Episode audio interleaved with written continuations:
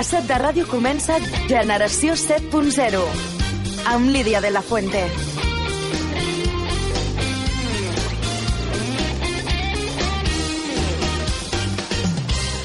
Bona tarda, 28 d'abril de 2015 iniciem una nova edició del Generació 7.0. Avui començarem amb l'Helena Casas, que ens parlarà d'una pel·lícula eh, molt coneguda aquí a Catalunya per la seva adaptació teatral, Incendis. A més, la Laia Paretes ens farà un repàs d'aquells llibres que, musicalment parlant, han marcat el Sant Jordi d'aquest any. A continuació, la Sílvia Ros ens recomanarà diverses obres teatrals que comparteixen un mateix tema de base, la manca de diners. L'Artur Piquet eh, parlarà dels Castellers Solidaris, un grup que, tal i com el seu nom indica, es dedica a fer accions solidàries. Finalment, tots els col·laboradors del programa hem preparat una secció especial per parlar del que ens ha deixat de sí eh, aquesta darrera diada de Sant Jordi. Tot això serà d'aquí una estona, però abans de començar recordem tots els mitjans que teniu al vostre abast per seguir-nos i escoltar-nos. Ho podeu fer a través de la nostra pàgina web www.setderadio.cat, del nostre Twitter arroba generació 7 i del nostre Facebook generació 7.0. I sense demorar-nos més, comencem una nova edició del Generació 7.0.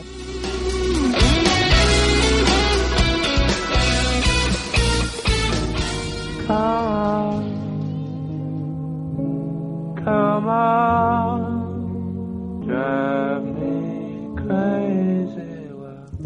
I passem ara a la secció de cinema amb l'Helena Casas. Bona tarda, Helena. Bona tarda, Lídia. Ara mateix està sonant una de les peces de la reconeguda banda musical Radiohead. Es titula You and Was Army, que significa Tu i quin exèrcit. I pensareu que m'he confós de secció i m'he passat a la de música, però Laia, tranquil·la, que no és, no és el cas. Val, perfecte. Música ve després, eh? Sí. Aquesta cançó em serveix per explicar-vos el film que avui us recomano. La lletra desafia al, a algú a la vegada que denota cert derrotisme, sobretot per la tranquil·litat de la peça. Us explico tot això perquè aquesta forma part de la banda sonora d'Incendis, un film basat en l'obra de teatre escrita per l'autor libanès Waji Mouawat. Eh, De fet, tot això ve perquè fa pocs dies me'n vaig assabentar que torna al mes de juny l'obra de teatre que fa anys va tenir molt d'èxit al Teatre Romea. Pels que ens vam quedar amb les ganes de veure-la, tindrem una altra oportunitat, aquest cop a la Biblioteca de Catalunya i amb la sort de poder comptar amb els grans Clara Segura i Julio Manrico, Manrique perdó, per darrera vegada. La, la pel·lícula es va estrenar el 2010, el seu director és el canadenc Denis Villeneuve, Villeneuve perdoneu la meva, la meva pronunciació, autor de pel·lícules com Polytechnic, Maelstrom i Enemy. La història comença al Canadà quan Jane i Simon, dos germans bessons, es troben davant el notari per llegir el testament de la seva mare Nawal, que acaba de morir. És llavors quan el notari els dona una carta de la mare en què els explica que tenen un pare i un germà al Líban. La Nawal és una immigrant libanesa que es va, es va quedar embarassada als 14 anys i li treuen el seu fill. La dona se les ingenia com pot quan esclata la rebel·lió al Líban i passa bona part de la seva vida buscant el seu fill. Els seus dos fills bessons, però, no havien sentit mai a parlar del pare i, per suposat, de cap germà. Jane decideix buscar la veritat i viatjar fins al Líban. Sentim un fragment del tràiler. Testamento de la señora Nahual Marwan. Apertura del testamento ante sus dos hijos. Simón Marwan y Jean Marwan. Te acabas de enterar de que. Tu padre está vivo y B. Tienes otro hermano. Tienes que averiguar lo que pasó o tu espíritu jamás hallará la paz.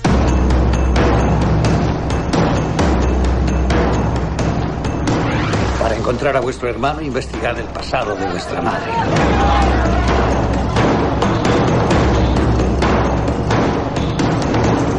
Busco a alguien que haya conocido a esta mujer. Los estudiantes nos oponemos al Partido Nacionalista que intenta expulsar a los refugiados de la frontera. Si eres la hija de Nawal Marwan, no eres bienvenida aquí. ¿Qué quieres hacer ahora? Enseñarle al enemigo lo que me ha enseñado la vida. La fotografía está tomada en Kafar Riyad. Es una cárcel en el sur. Algú de vosaltres ha vist la pel·lícula o l'obra de teatre? Jo, jo no. Jo tampoc. Havíeu sentit a parlar? Sí. Jo he vist l'obra de teatre. Sí? I què et va semblar? Home, Déu-n'hi-do. Déu-n'hi-do, Home, eh? et deixa bastant... Final colpidor, podem dir. No? Sí, és, és com, bueno, de pell de gallina, no? La, la Totalment. història és molt intensa i, bueno, la- l'obra de teatre, com a mínim, la pel·lícula no ho sé, dura bastant, però, bueno, estàs com molt endinsat, no?, en la història, molt És un involucrat. drama en tota Un drama, regla. sí, sí. sí. Vosaltres havíeu sentit a parlar perquè Incendis va ser una Sí, obra de teatre que- jo els incendis n'havia sentit a parlar, el que passa que no, no vaig tenir ocasió de veure-la. Doncs ara, ja com us he comentat, teniu una altra ocasió de veure-la, que és a la Biblioteca de Catalunya, pel mes de juny. La interpretació, la banda sonora de fotografia i com està tractada la trama, la trama per mi és excepcional. És un drama molt ben fet, com us comentava, que tracta trames paral·leles en períodes diferents i explica la història de la mare, la dels germans en cerca d'aquesta veritat i hi ha acció i un final, com he comentat, sentimentalment, per mi, apoteòsic i de pell de gallina, com qualifica la Lídia. I per tant us la recomano molt, perquè la, la veieu, no és tan coneguda com, com l'obra de teatre, que va tenir molt de ressò, però és una molt bona pel·lícula per veure. I ja per acabar, us vull dir que demà passat, dijous 30 d'abril, es projecta a les 5 de la tarda a la Filmoteca de Catalunya, també una pel·lícula que ha tingut molta, molt de ressò, és 10.000 quilòmetres. Per si us animeu, és un film de Carlos Marquès Marcet i els dos actors que hi apareixen són Natàlia Tena i David Verdaguer. La pel·lícula ha rebut un bon grapat de premis nacionals, entre els quals el del millor film del Festival de Màlaga o el Premi Goya i el Gaudí per la millor direcció novella, però també internacionals, en festivals com el de Seattle o el d'Estocolm. La presentació, més, serà càrrec del mateix director i és una gran oportunitat també per qui no l'hagi vist doncs que s'animi a, a acostar-se a la Filmoteca de Catalunya, que més tenen unes gran, grans sales de projeccions. La veritat és que l'equipament està molt bé i és una bona oportunitat. Molt bé, doncs moltíssimes gràcies a Helena per eh, haver-nos parlat no, de- d'aquesta pel·lícula d'incendis i també per aquesta última proposta que ens has fet. I jo doncs des d'aquí eh, haig de dir que avui és el teu últim dia a Generació i bueno, doncs moltíssimes gràcies A vosaltres, és com per un sempre. bon motiu perquè ha trobat feina així que Moltíssimes gràcies a vosaltres per deixar-me participar d'aquest programa tan, tan gran per mi. I des d'aquí, doncs, això, si algun dia t'hi vols passar i ens vols recomanar alguna altra pel·lícula, endavant. Doncs prenc nota, prenc nota. Molt bé, doncs moltíssimes gràcies.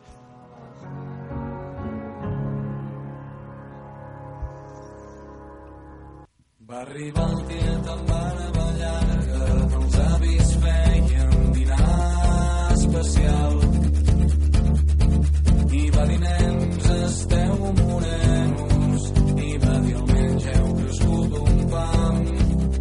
I amb aquesta cançó dels Manel entrem a la secció musical d'avui i, com sempre, ens acompanya la Laia Paredes. Bona tarda, Laia.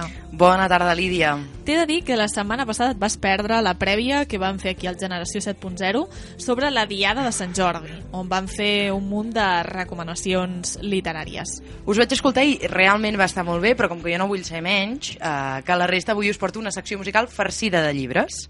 Ah, sí?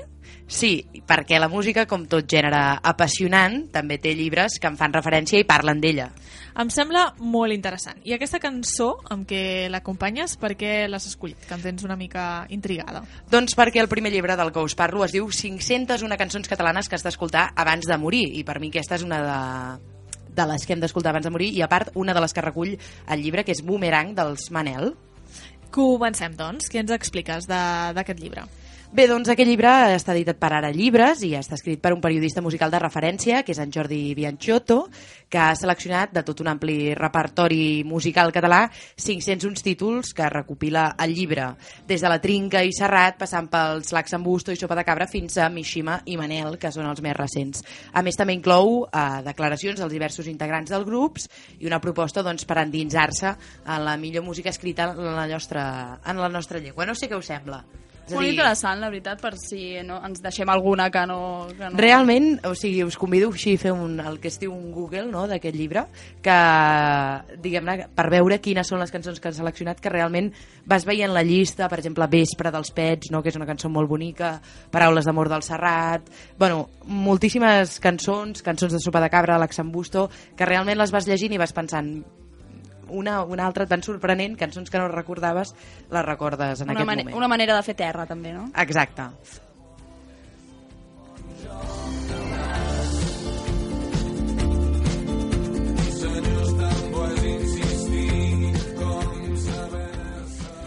I seguim amb llibres de música, però si en aquest eh, primer cas, diguem-ne, hem tocat doncs, una varietat d'estils, aquest que us porto ara és d'un sol estil, que és el jazz.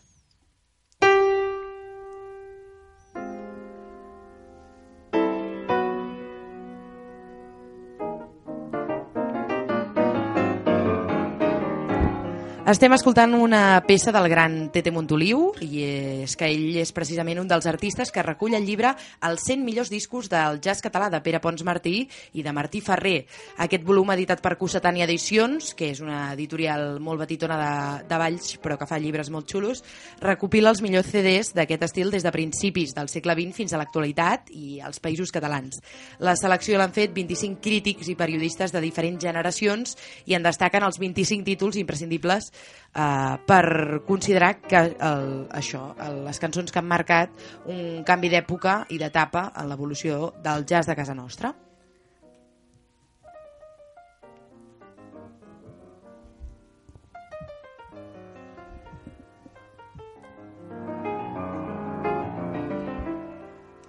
I canviem ara d'estil musical.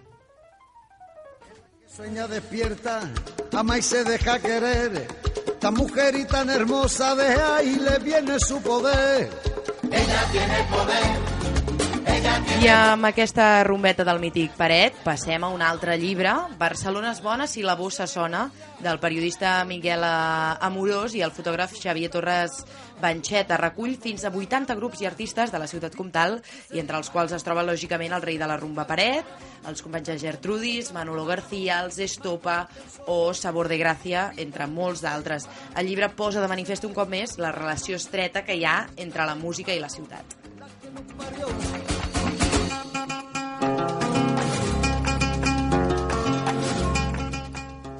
I a banda dels llibres centrats en estils musicals concrets, també hi ha aquells que se centren en grups o artistes específics, homenatge a Artur Piquet, els Amics de les Arts. És un llibre que el tinc i és molt i molt xulo, aquest llibre.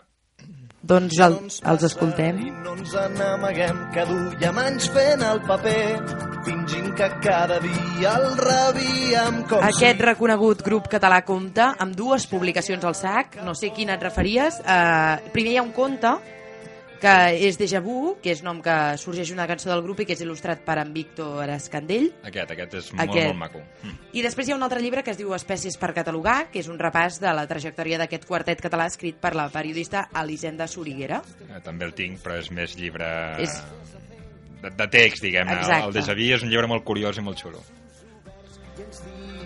només tu podies ser. Tot això no ens passa, tampoc improvisem. I m'agradaria acabar, si em permeteu llegir-vos un proverbi hindú molt bonic que diu un llibre obert és un cervell que parla, tancat un amic que espera, oblidat una ànima que perdona i destruït un cor que plora. Així que gaudiu del plaer de llegir, sigui Sant Jordi o no, perquè sempre és una bona ocasió doncs, per submergir-se en les pàgines d'un llibre. I esteu d'acord o què? Ah, és, Doncs sí, final aquest potent, final, aquest. Laia. Sí, estava final, eh? dient, porto una setmana treballant-ho, eh? Una setmana aquí buscant potent. la cita, eh? Wikidites. No és broma, és un... Ja, ja. Doncs sí, moltíssimes gràcies, Laia, també per aquest repàs de llibres inspirats en la música. I eh, tu sí, això sí, tornem la setmana vinent amb més música, com no pot ser d'una altra manera. Generació 7.0, amb Lídia de la Fuente.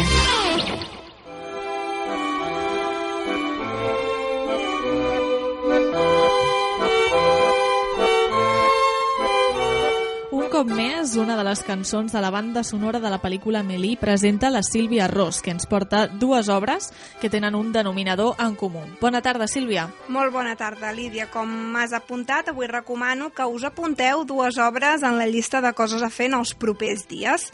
Les dues propostes giren al voltant dels diners, els problemes econòmics i les oportunitats laborals. A priori, segurament, no us vindrà una mica de nou aquesta temàtica, ja que molts projectes, ja siguin de teatre, cinema o Televisió s'alimenten de la crisi i la situació econòmica que viu el país. La primera obra de teatre és Idiota, de Jordi Casanovas, que es representa a la Sala Montaner de Barcelona des de la setmana passada i fins al 14 de juny. Idiota es planteja com un joc divertit, però ple d'elements que porten al protagonista de l'obra al límit de la seva paciència i racionalitat.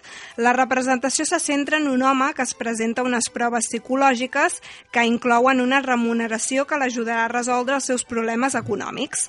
Però el que sembla una prova fàcil i sense complicacions resulta ser una trampa, on una atractiva psicòloga formularà una sèrie de preguntes que el que pretendran serà alterar-lo i posar-lo nerviós.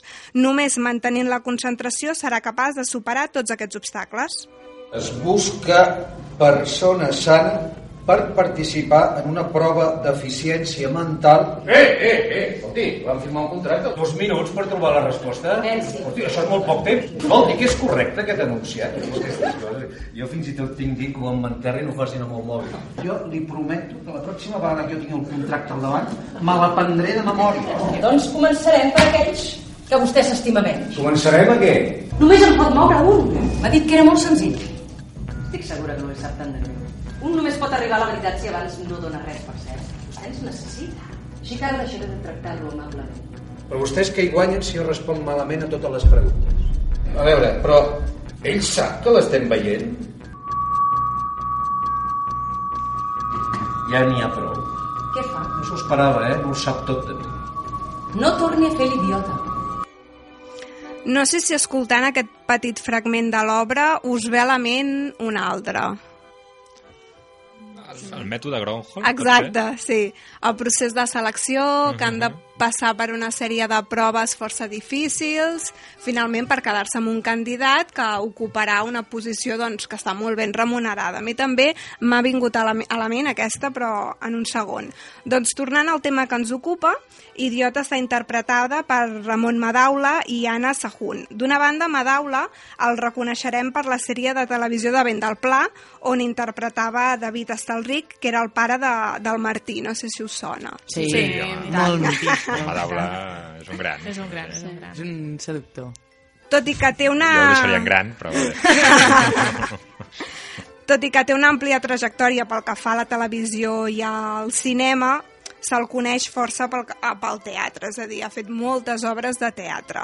Per altra banda, Anna Sahun també és una actriu catalana molt coneguda. Si us dic Porca Misèria, Sí. imagino que sí, Sí, no? sí, sí, la sí, Laia, la que fa de parella en la ficció del Joel Joan. A la ficció i el que no és la ficció. Exacte. I ara, si no la m'equivoco, Riera. són això, la històries- Riera també. Sí, sí, la Riera també. La Lídia No sé, Almeda. No sé. És que l'he vist en algun fent zapping en algun moment, però no... No, no ho segueixo i no sé quin era el personatge que feia ara la Laia. Guapos i pobres va d'una generació És el retrat d'una generació que, que li ha tocat viure una crisi que no s'esperava. Gent que, bueno, que va lluitant per arribar a final de mes, esperant que això amb el temps canviarà o esperant alguna cosa que, que ha de passar. perquè hem crescut amb uns valors i ens han ensenyat unes coses que després han resultat que no eren ben bé així, sinó que potser eren tot el contrari.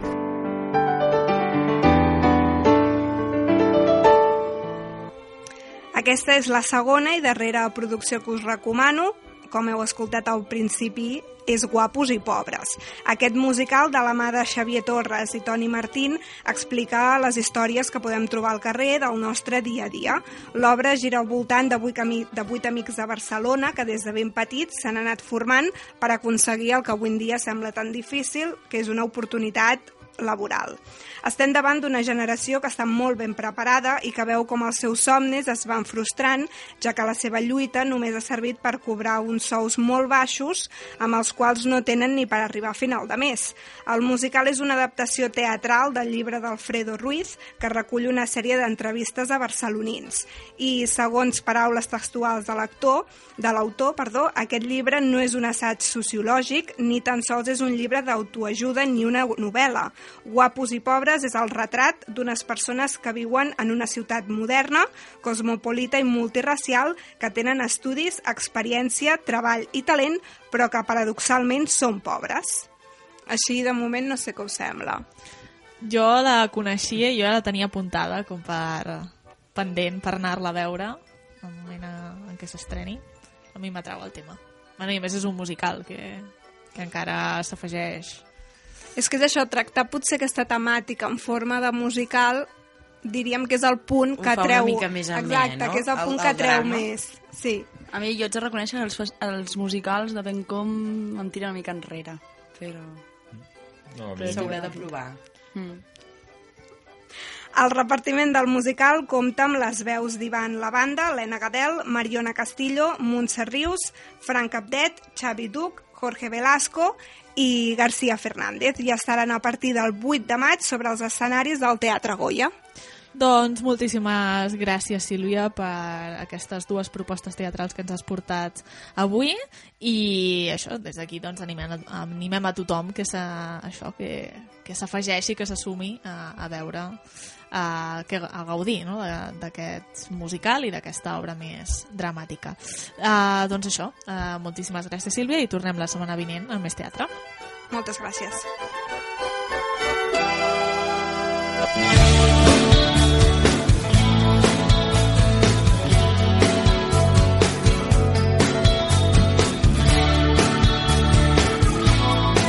I passem ara a parlar de solidaritat amb l'Artur Piquet. Bona tarda, Artur. Molt bona tarda, Lídia. Avui us porto una coseta una mica diferent. No us parlaré d'una acció solidària en concret, sinó d'un grup, que, d'un grup de persones que realitzen actuacions solidàries. És a dir, que avui vols animar la gent que estigui preparant una acció solidària a comptar amb un tipus d'actuació per amenitzar la ballada. És això el que vols dir? Doncs sí, eh, ni més ni menys. Eh, a més a més, com que el Generació és un programa cultural, és una, és una actuació molt relacionada amb, amb la cultura i a més a més catalana. Uh, excepte postes, per on diríeu que, que anirà la secció solidària d'avui? El ball de la moxiganga. A mi té una mica perduda, eh? No, no, i si tu m'has fet una... Un, un... Ja, ja, ja ho Apunt? diré. Ja ho no, diràs demà. No, dels amics, una... Una polleta, mal dit, no? Bé, és igual. Que, que ho has fet en honor meu. Ah, el- un homenatge. el- Un homenatge. Amb lo dels amics. La secció d'aquesta d'avui és, és també un, un homenatge per tu, Laia. Hòstia. Sé que t'agradarà. Vale, aviam. perfecte. A veure, De què es tracta, sorprèn-me. sisplau? Canviem digueu, de música. desvetlleu.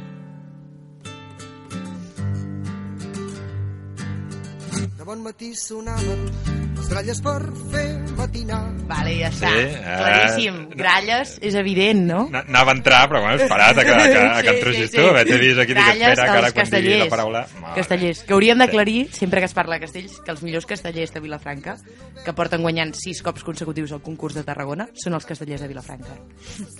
Com a... Ah, Sempre, ah, sempre que es parla de castells s'ha de fer aquest, aquest, aquest apunt. Escombrant cap a casa. Apuntat queda. Doncs sí, us estic parlant de castells i de, del grup de castellers solidaris. Coneixeu aquesta, aquesta organització? No. No. És que si em dieu que sí, no m'ho hagués cregut, perquè és, és, és molt i molt, però que molt, que molt recent. Uh, és un projecte que va començar, es va començar a gestar el mes de novembre passat, quan el grup va començar a reunir-se per tal de, de tancar esdeveniments per motius solidaris, sense cap mena, evidentment, de, de retribució. Què, què us en sembla? No, és Molt una, interessant. bona, in- una bona iniciativa. Mm. I a part els, el, els castellers tenen altres valors solidaris com l'integració de tothom i tal. És a dir, que ja és, és una mena de d'acte cultural ja que en si és solidari Mhm. tot i no fer accions solidàries i si aquests en fan ja, bueno, és la bomba, no? Sí, home, és, és, és un esport, per dir-ho d'alguna manera, molt d'equip. Eh, És, és des del de baix fins a l'enxaneta que... Mm. No, no sé com es diuen els que estan a la base, tu potser sí que... Bueno, la gent de la pinya De la pinya, doncs la pinya. Doncs des de la pinya fins a l'enxaneta sí que és, és tot, vull dir, a la Confalli se'n va tot a, Exacte. a terra. Mm -hmm.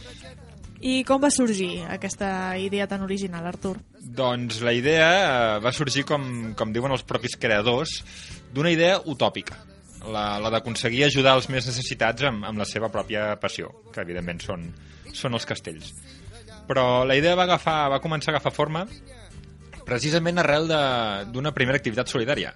Un grup de, de castellers, eh, va, no, era, no eren de Vilafranca, van, Bueno. van proposar... No, Gent- però, castellers de després, després hi segona, després hi que-. De segona, bueno. que se salven per ficcions solidàries. Vale, vale. Que, que puja 9 i mig. Uh, a la promoció de primera. Uh, això, un grup de castellers va, va proposar a la seva, a la seva colla, una colla d'aquí Barcelona, fer una activitat uh, a l'antiga fàbrica d'AM, que era una activitat mm, feta a favor de la recerca contra, contra el càncer de testicle i altres càncers que afecten uh, els homes. No obstant, la colla eh, va decidir no anar-hi, però els joves que havien intentat ser partíceps d'aquest esdeveniment no es van rendir. Finalment, l'acte es va celebrar, que es va celebrar el passat mes de febrer, va comptar amb un grup de gent reunit pels propis castellers que, que van veure com la seva colla va decidir no assistir-hi i eh, van, van formar, van formar aquest, aquest grup que bona part d'aquests eh, joves portaven reunint-se era el grup aquest que portava reunint-se des, de, des de novembre. Van presentar-se un parell de pilars de quatre i tot desplegant eh, una petita pancarta amb el nom de, de l'acte central. Un inici prometedor i amb força, pel que sembla, no? Doncs sí, Lídia, i, i arrel d'això el grup va, va veure que la seva idea utòpica, que en un inici creien que era bastant complicada de dur a terme, doncs podia agafar forma. I van començar a reunir-se per establir les bases d'aquest nou col·lectiu i així començar a assajar i realitzar altres, altres activitats. El fet de, de fer castells té un punt molt positiu i és que com a infraestructura a l'hora de fer els assajos no necessites massa cosa. El local, evidentment, no. Un pavelló o un poliesportiu tampoc, perquè el que necessites eh, quan aixeques un castell és que no hi hagi, no hi hagi sostre, per tant, un espai ben obert és el que, és el que necessites en el que poder aixecar ben amunt la- l'estructura humana perquè els assajos mm, normalment no, sempre s'han de fer a, a l'aire lliure. I on assagen? Doncs eh, el grup ha escollit el Parc de l'Escorxador com a, com a lloc d'assaig, allà, allà al costat de la plaça Espanya. Si hi ha algú que, que practica castells i, i vol unir-s'hi, segur que, que aquest grup estarà encantat de, de rebre'l cada dissabte a partir de les 11 en punt del matí. A la seva pàgina de Facebook, facebook.com barra castellers.solidaris, castellers podreu trobar qualsevol última notícia relacionada amb aquests assajos. Per exemple, si plou a vegades, perquè a vegades mm, també han dit que ni la pluja els atura i que, que tiraven l'assaig endavant, però sí que a vegades, en, en ocasions s'anula. O també eh, s'ha d'estar atent perquè el grup té previst un canvi de, de localització dels assajos. La colla diu que aquest punt és, és merament provisional fins que trobin un altre lloc on poder dur a terme eh, les preparacions. I qui forma part exactament d'aquesta colla, Artur? Doncs a dia d'avui el, el grup principal d'aquesta colla està format pels castellers de Sants. No sé si tens el plaer, el plaer de conèixer-los. Sí, sí, sí, Sí? Ens hem trobat a, a, a Tarragona, de fet. Sí, En- en el- i, i donen... en el- I també hem, a, la, a la Mercè també, també actuen els castellers de Sants i després algun cop també hem vingut a Vilafranca, és a dir, hi ha, Jo- hi ha contacte, hi ha vincle. Jo tinc sort de conèixer algun dels integrants de- d'aquest grup casteller de, de Barcelona i home, sé que els de Vilafranca també sé que són molt, No, molt no, no, grans, els de Sants ho peten bastant, són- eh? Sí, sí, sí. sí. Ho peten, molt bé. Ben, ben, Sí, ben així com... sí, sí, sí. Però tot i que aquesta colla, això, principalment està format pels de Sants, també compta en representació de, de totes les colles de, de Barcelona i, i Rodalies, com Badalona, Montcada o fins i tot Sitges o, o el Vendrell. El millor de tot és que formar part d'una colla i de castellers solidaris és 100% compatible, ja que una de les bases d'aquesta associació és que les colles, per dir-ho manera, convencionals, és a dir, la de Vilafranca, la de Sants, totes, totes aquestes, tenen sempre preferència, perquè les activitats que es duguin a terme eh, com a castellers solidaris es faran quan no hi hagi cap mena de coincidència amb, amb cap altre compromís de cap colla. Tot i que també s'ha de dir que no tots els integrants de, de Castellers Solidaris tenen una colla paral·lela. És a dir, que si ens està algú escoltant i el que li agrada són els castells i o, o no ho fa ara o inclús no, no ho ha fet mai doncs pot animar-se i, i iniciar-se al món casteller amb, amb castellers solidaris que sincerament no trobarà cap, cap millor opció per entrar en aquest món tan fascinant dels castells I a més a més de castells, fan alguna altra activitat més de, de caire solidari? Doncs, doncs sí, eh, Castellers Solidaris també realitzen tallers benèfics a caus i esplais. Ara, per ara n'han dut a terme dos, eh, evidentment de manera, de manera gratuïta, i amb l'única condició, una condició interessant, que cada participant en aquests tallers portés un paquet de menjar que entregarien posteriorment els de la colla de Castellers Solidaris al banc d'aliments. Ara sí que ja penso definitivament que aquesta secció l'has fet per mi perquè m'he passat molts anys en un esplai. O sigui, estic a 100%, punt de fer-te una, referen una reverència. Eh? No, fa, tu, o sigui, ho he fet Ho has lligat tots tot, els ho homenatges que m'has fet amb els Amics de les Arts de la teva secció musical i ja tocava que te'n dediqués eh, una. Atenció, el, el, parlant d'homenatges a secció musical, vull fer un apunt, eh?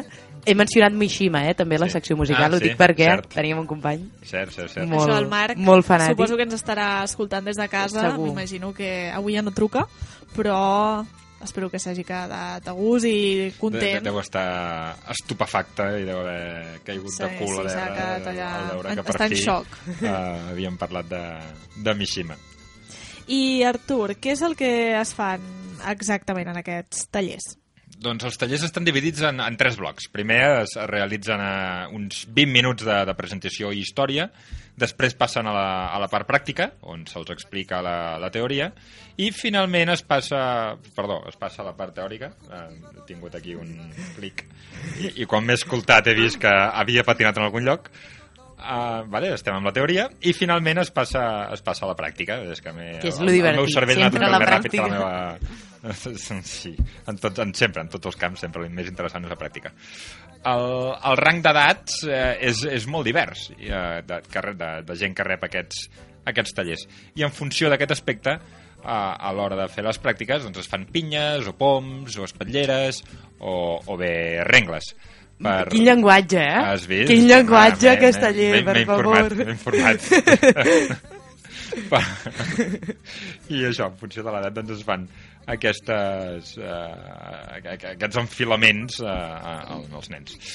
O si no, a vegades també eh, s'elaboren jocs perquè, perquè s'ho passin bé aprenent una mica el, el concepte i els valors dels, que, dels castells que, com bé dèiem inicialment, té una gran dosi de solidaritat i de treball en equip que, que, que sovint manca molt en el, en el jovent d'avui dia. Doncs moltíssimes gràcies també, Artur, per aquesta proposta solidària, aquest cop dirigida a qui estigui preparant una acció amb una finalitat benèfica. Per aquí Catalunya és una tradició cultural molt nostra, eh, com aquesta que ens has eh, explicat, els castellers, que segur que tenen cabuda en qualsevol esdeveniment i això ho sap molt bé la Laia, perquè Sí. ja, ja veiem que s'ha emocionat molt amb aquesta secció. Exacte. Doncs això, moltíssimes gràcies i tornem A la setmana vinent amb més solidaritat.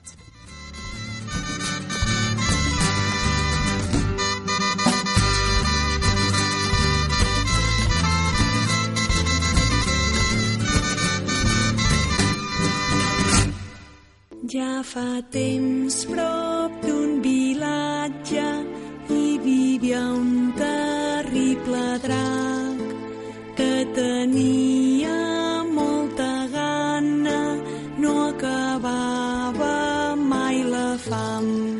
El passat dijous 23 d'abril es va celebrar, com cada any, la Diada de Sant Jordi i des d'aquí al nostre programa, des del Generació 7.0, volem fer un repàs de tot el que ens va deixar aquest dia tan especial. Fou llavors que decidiren Començarem fent un repàs de les activitats que es van organitzar aquí al districte per part de les diferents entitats de proximitat. Des de bon matí, els carrers d'Horta Guinardó, d'Horta Guinardó es van guarnir amb flors i llibres per les paradetes que van instal·lar diferents escoles, associacions i entitats del districte. Durant tot el dia, els centres de proximitat van organitzar activitats de caire cultural per totes les edats. No sé què és el que ens pots explicar, Laia, en aquest sentit? Doncs mira, jo, si us sembla, us explicaré el que van fer les diferents, els diferents casals de, de gent gran. Uh, la gent gran es va reunir a, a aquests casals per celebrar doncs, la Diada de Sant Jordi, com ja és típic, no? Per exemple, el casal de la gent gran d'Horta va fer per tercera vegada la ja mítica trobada de puntaires i al casal de la Vall d'Hebron es va fer una lectura continuada. Ho, ho va explicar a Set de Ràdio, declaracions que vam recollir també al districte 7, Estela Hernández, dinamitzadora del casal de gent gran Vall d'Hebron. Primer de tot, eh, ahir per, pel matí vam tenir una activitat de lectura continuada que el grup de cultura del casal tria diferents autors. Aquest any hem triat a la Carme Riera i Ana Maria Matute i llavors es van triar diferents contes i diferents textos que van participar en una activitat oberta. Pel, pel matí era més com una activitat més tancada, entre cometes, del propi centre, que va participar la Comissió de Cultura i després tota gent que, que té interès en aquests temes, i després la festa per la tarda era una festa molt més oberta, que es fa en el parc, amb música, que és una mica la Es va idea. presentar un llibre A d'altres espais del districte també es van organitzar altres activitats per celebrar eh, aquesta diada de Sant Jordi d'aquest any 2015. Doncs sí, precisament als jardins de Frida Kahlo es va fer la ballada popular de sardanes i l'entrega de premis del concurs literari i tallers per infants. I a la Teixonera, per commemorar també els 100 anys del barri, es va presentar el llibre Quatre estaciones, història d'una família de Teixonera. Sònia, la directora del centre cívic del barri, també va parlar sobre aquest homenatge. que ho va escriure la Isabel Notó, que és una veïna d'aquí del barri, i que, bueno, és una mica una explicació, una història d'una família d'aquí de, del barri de la Teixonera. I va ser una mica un homenatge. Bueno, feien la, la venda de, dels llibres i regalaven la rosa a la gent que participava una mica en l'activitat. I va ser una jornada molt xula, la veritat, perquè com que va fer bon dia i la veritat és que el barri estava bastant mogut. També eh, a les biblioteques es va fer lectura de poemes i contes i entrega de premis per adults i infants. Sí, i els més petits també van gaudir de la diada amb les activitats organitzades pel centre cívic Casa Groga. La Yolanda és membre d'aquest centre cívic i ens, ens va resumir com va, van gaudir de la diada. Les activitats, bàsicament, ens es centraven a tallers per nens i nenes de totes les edats, eh, els organitzaven entre la ludoteca del Centre Cívic Casa Groga i també eh, el Centre Cívic mateix. I després d'aquests tallers, a les 6 de la tarda vam començar un espectacle infantil eh, a càrrec de l'artista desconocido que es deia No puede haber música sin música. Hi havia moltíssim ambient, moltíssima gent, els nens sortien de l'escola i automàticament ja s'engrescàvem amb els tallers. A més, ella també ens va parlar eh, de com especial és el dia de Sant Jordi. Abans eh, ho fèiem el dissabte, normalment el dissabte després de, de la diada, però vam pensar, bueno, aquí lo especial és el mateix, el propi dia de la diada, doncs, doncs que hi ha el caliu aquest i que hi ha aquest ambient festiu molt agradable, d'enrenou però molt agradable. Finalment, doncs, doncs vam decidir fer-ho el mateix dia de la diada i la veritat és que va ser tot un èxit. I el punt més solidari el va posar l'entitat Sàhara Horta. La, aquesta informació la tens tu, oi, Brita, uh, Artur? Doncs sí, Lídia. Uh, Núria Salamé, membre de Sàhara Horta i presidenta de la Federació de Catalunya dels Amics del Poble Saharaui, ha comentat, uh, va comentar aquesta casa que és un dia per, per presentar aquesta, aquesta realitat, per exemple, a través de, de llibres escrits per ciutadans del, del Sàhara. Salamé també va destacar la voluntat dels veïns per conèixer com viuen els saharauis. Doncs nosaltres vam enganxar les fotografies en aquesta capsa, per entendre'ns, gran, que deu ser doncs, de material elèctric i així, i sobretot nanos que els pares ens deien expliqueu-hi, els portàvem allà i veien les fotografies. I els podíem explicar quin, com eren les escoles allà, com anaven descalços i jugaven a futbol amb davant del, amb pedres i amb el que fos. I bueno, doncs és una manera de, de fer present el conflicte. I si vau participar o, o bé teniu curiositat, podeu visitar les diferents xarxes socials de les entitats que hi han penjat les imatges d'aquesta jornada de Sant Jordi. Havíem quedat a quarts de quatre a la plaça Felip Neri, on els carrers... I com no pot ser d'una altra manera, ara toca fer balanç de quins van ser els guanyadors d'aquesta diada. Però per fer-ho m'agradaria començar preguntant aquí als col·laboradors eh, quins són els llibres que van rebre com a regal o que ells mateixos es van comprar. Això cadascú eh, el que li toqui. No sé qui vol començar explicant-ho. L'Helena. Començo jo mateixa, sí. Jo, mira, em van regalar el secret... Ah, no, ah, En la piel de una lligadista, és de l'Anna Erel, que és un pseudònim, perquè aquest llibre tracta d'una periodista que es va infiltrar, eh, diguéssim, a la lligat per poder escriure aquest llibre i que ens apropa tot aquest conflicte de ben a prop perquè a vegades sembla que costa d'entendre una mica tot aquest eh, el tema de l'estat islàmic i això. Llavors, doncs, eh, és molt interessant, l'he començat, però de moment no us puc dir més. Molt bé, i a tu, Artur? Doncs jo encara, encara no he tingut l'oportunitat de començar cap dels dos llibres que em van regalar. Uh, un és uh, La víctima, de Saul Billow. És, és una novel·la que, molt, molt curiosa. És bueno, un home que rep la visita d'un altre, altre home que li diu que li ha arruïnat la vida i bé, durant la, la novel·la el primer acabarà entenent per què aquesta persona li ha dit que, que li, va, que li, ha, que li ha arruïnat la vida. I després eh, l'altre, em sembla que després ja ho diràs, que ha sigut el, el més venut en català aquest eh, Sant Jordi, el, Algú com tu, de, de Xavier Bosch, que és el segon llibre que em van regalar. Molt bé. I Laia? Doncs a mi em van regalar Retratos i Encuentros del Gai Talís, que per qui no ho conegui doncs, és uh, fruit de la seva obra periodística, sobretot centrada doncs, en retrats de personatges, i un dels que destaca precisament, que s'ha convertit doncs, en, un, en un gran retrat que, memorable de, de Gai Talís, és el, uh, un retrat que li va fer a Frank Sinatra, que es deia Frank Sinatra està angustipat, no? I aleshores uh, aquest retrat uh, fa un retrat del mateix cantant sense haver-hi parlat, que és una de les joies. És a dir, Gai Talís el va perseguint per totes les coses que va fer durant el dia i a partir d'aquesta inaccessibilitat que té en Frank Sinatra, doncs, perseguint-lo i espiant-lo, eh, fa aquest retrat, no? I com el de Frank Sinatra, molts altres, i segur que, que està molt bé aquest llibre. Varietat de títols tenim aquí sobre la taula i jo us he fet aquest, aquesta pregunta precisament per saber si trobàvem alguna coincidència amb els que són els grans vendedors de, de, del dia, d'aquesta diada d'enguany. Perdona que t'interrompi, Lídia, però i, i tu, eh, quins, quins... Doncs jo en tinc dos, en aquest cas, eh, sí, suposo que m'estàs preguntant ara... Sí, quins llibres vas rebre? Sí, sí.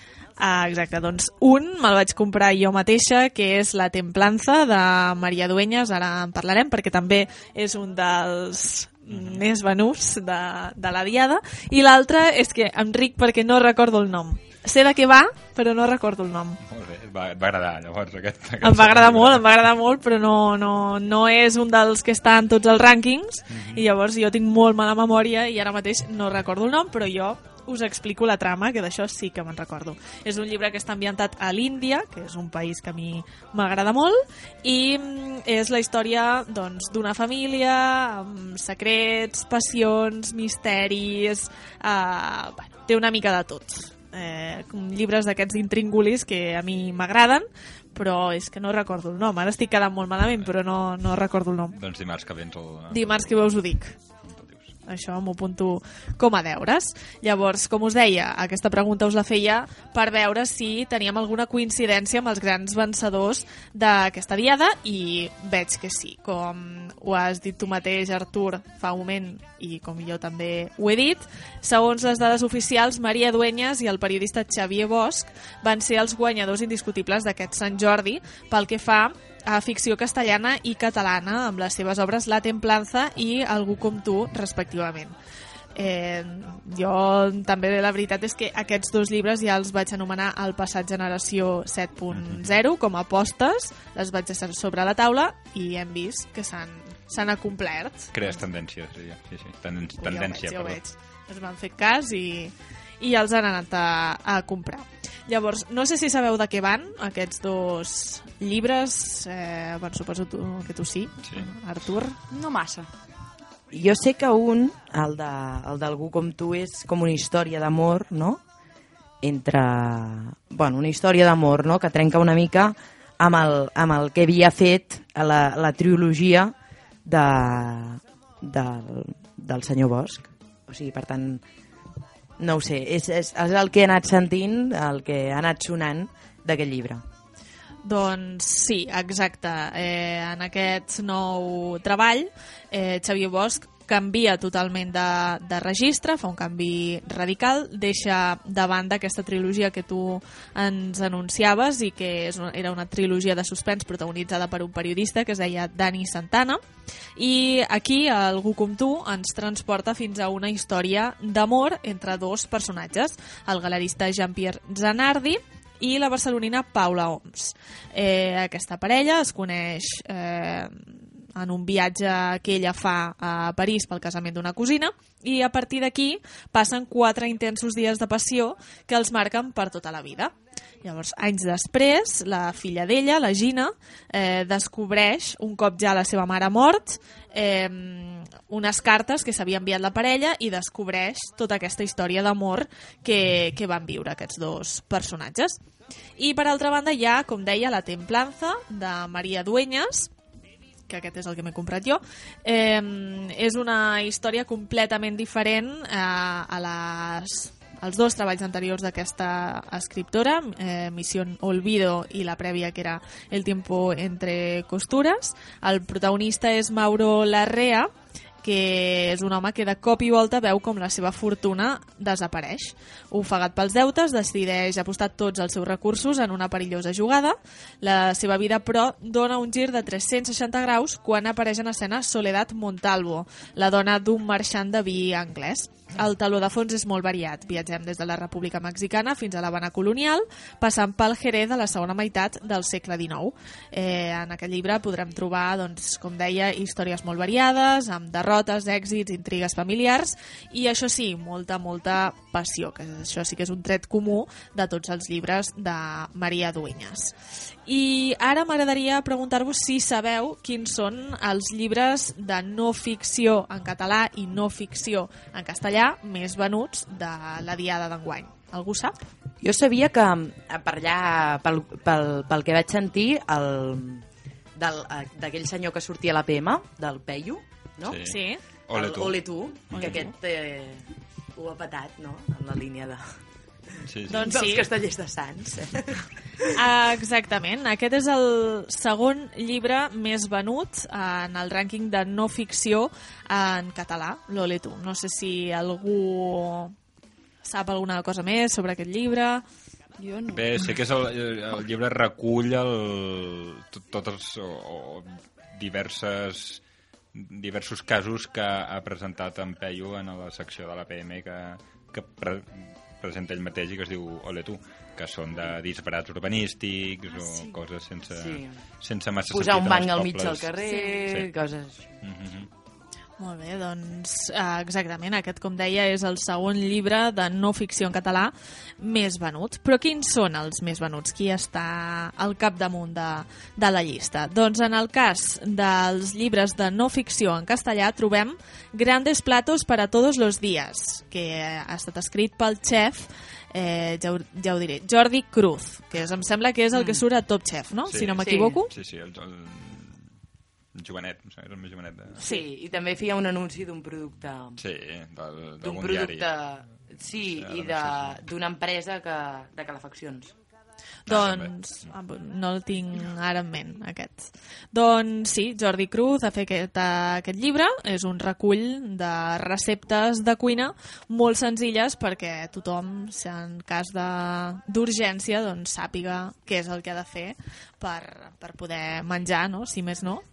Ara ens està posant el nostre tècnic aquí en una televisió que tenim a l'estudi, aquest anunci que deia la, la Laia de la calefacció de gas natural. El Jordi Cruz fotent canya al Sí, pobre pare de és família que diu...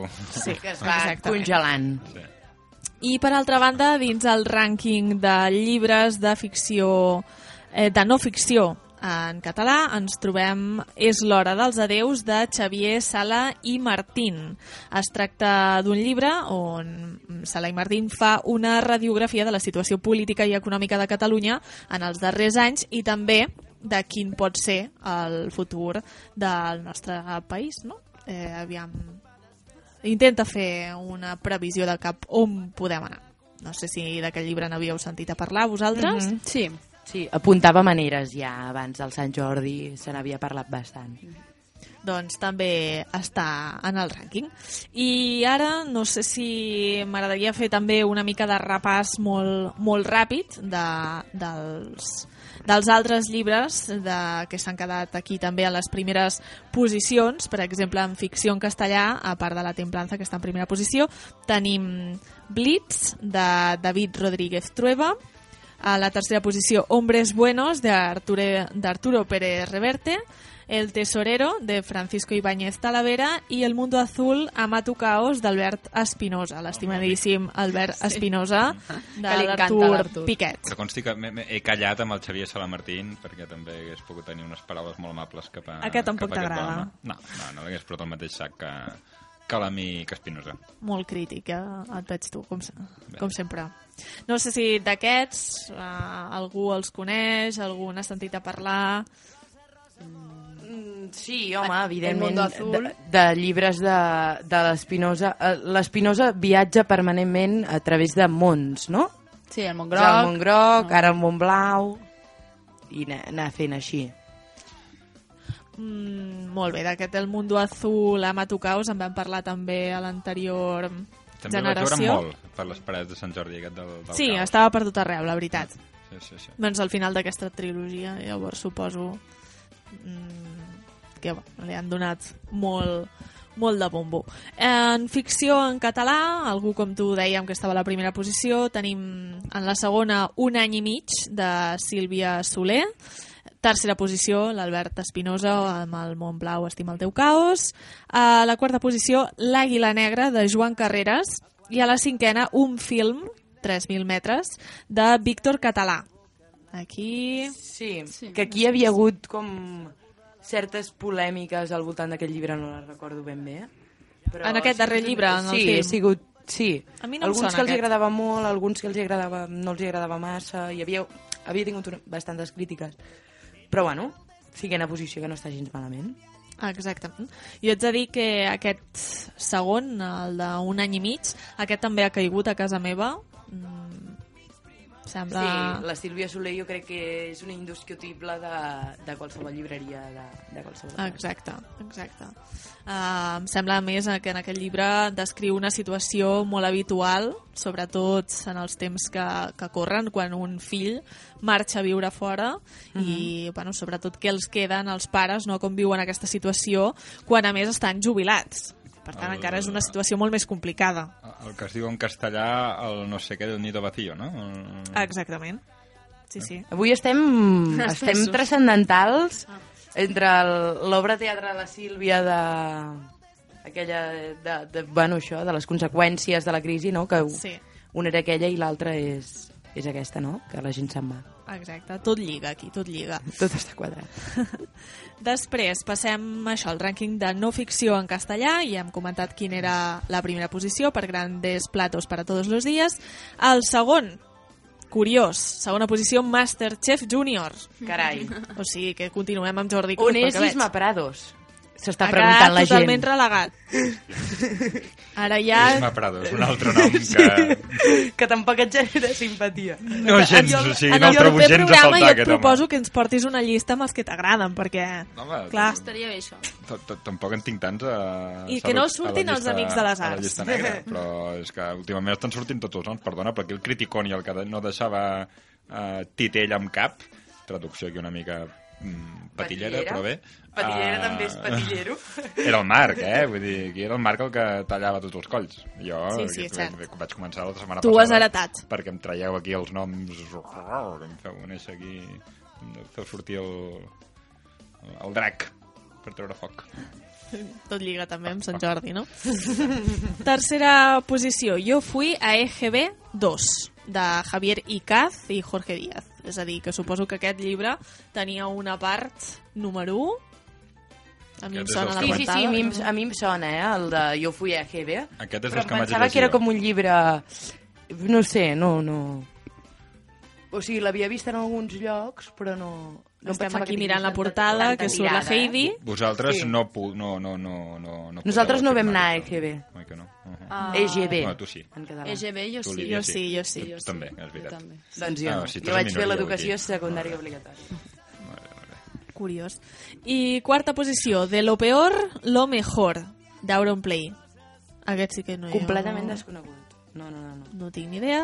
I uh, cinquena posició, No ho sé, però Destroza... el, el tal Auronplay té una pinta piqué de macarra de, de, de nassos. El tupé el porta, si, si si és el no. que surt a la Sí. portada del diari, ai, del diari del llibre, mm, que no, que potser no, i ara aquí li he fumut un, una bona clatellada de manera gratuïta. Però Ens haurem di- d'informar. Tot això són deures per- de cara a la setmana vinent. I cinquena posició, Destroza este diario, de Kerry Smith. Molt, molt, molt suggerent, no? Comprar-te un llibre d'aquestes característiques. Sí, no sé, què, no sé què és el que pretenen dir. Si que te'l No, llegeixis que o que ho trenquis. diari és diari aquí, personal. Empieza aquí, al final hi ha com una anotació amb una fletxeta al final de la portada que ens diu empieza aquí a Però- destruir este diario. Sí, són nous formats de- d'atracció del públic. Sí, sí, uh, exacte. Bueno, de fet, jo ahir, uh, la setmana passada, anava passejant per les paradetes i no té res a veure amb això, eh? però ara m'ha vingut al cap que molts formats de llibres ja són diferents. No és el típic format... No sé, són com més amples i més, més petits en quant a alçada. No, no sé per què, però bueno, em va cridar bastant l'atenció. I ara passem finalment al rànquing de llibres de no ficció en català. Hem dit, eh, primera posició és L'hora dels adeus, de Xavier Sala i Martín. Després tenim en segona posició Ole tu, de Lluís Jutglar Calvés, eh, que seria el, bueno, i el Peyu, que també n'hem parlat. Tercera posició, Corre per pensar i sentir, de Francesc Torralba. Quarta posició, Ja t'ho faràs, també de diversos autors. I cinquena posició, Sapiens, una breu història de la humanitat, de Yuyal Noah. D'aquí us en sona alguna, a part del primer i del segon que ja n'hem parlat? No, I el ja t'ho faràs si està inspirat en el programa aquell de TV3, que no ho sé, ho hauríem de consultar, a veure si el nostre company tècnic ens pot passar una il·lustració Sense- del llibre. exacte. Evidentment, doncs Sí. està, Sí, és un sí, sí. programa que realment està molt bé a TV3, que feien els dissabtes al migdia. Ara torna a Veterinaris, Ah. per cert. Ah, ja s'ha acabat, llavors? Que està tornant... eh, No sé si el cap de setmana passat el van fer o... No ho sé. Però en tot cas ara veurem veterinaris, ja t'ho faràs, ja s'ho faran, no? S'ha acabat. Però era un programa que estava molt bé, que no, per qui no ho conegui, doncs era un programa que ens ensenyava doncs, a fer uh, manualitats amb coses, amb objectes que tinguéssim per casa, no? Sí. És a dir, per exemple, fer un sofà amb, amb els palets aquells de transportar coses, Sí, està, no? està molt bé, jo, la, jo el seguia. Sí, està Sí, molt sí, bé, sí. està molt bé, sí. Doncs és eh, això que deies també de, quan parlaves d'això del veterinaris, això està molt bé avui precisament que tenim un visitant aquí que ara mateix està dormint però, però bueno, aquí un gosset Tenim un acompanyant, petitet en Roc. que ha vingut el Roc a veure l'Artur s'està posant vermell Haurem de el penjar una, gos. una foto del rock al nostre Twitter Exacte, perquè el les- penjar. tots els oients el puguin conèixer. Però no, però no és la l'han nova sentit, mascota em sembla del que no l'han programa. escoltat. No, no, s'ha portat molt bé, la veritat, s'ha portat molt bé, tot s'ha de dir, i ara està clapadíssim. Molt bé, doncs aquest era el repàs que jo volia fer de tots els llibres més venuts aquesta darrera diada de Sant Jordi. No sé si teniu alguna recomanació, vosaltres eh, voleu dir alguna cosa eh, de cara que els nostres oients puguin agafar idees eh, diferents a aquests llibres que acabem de, de comentar.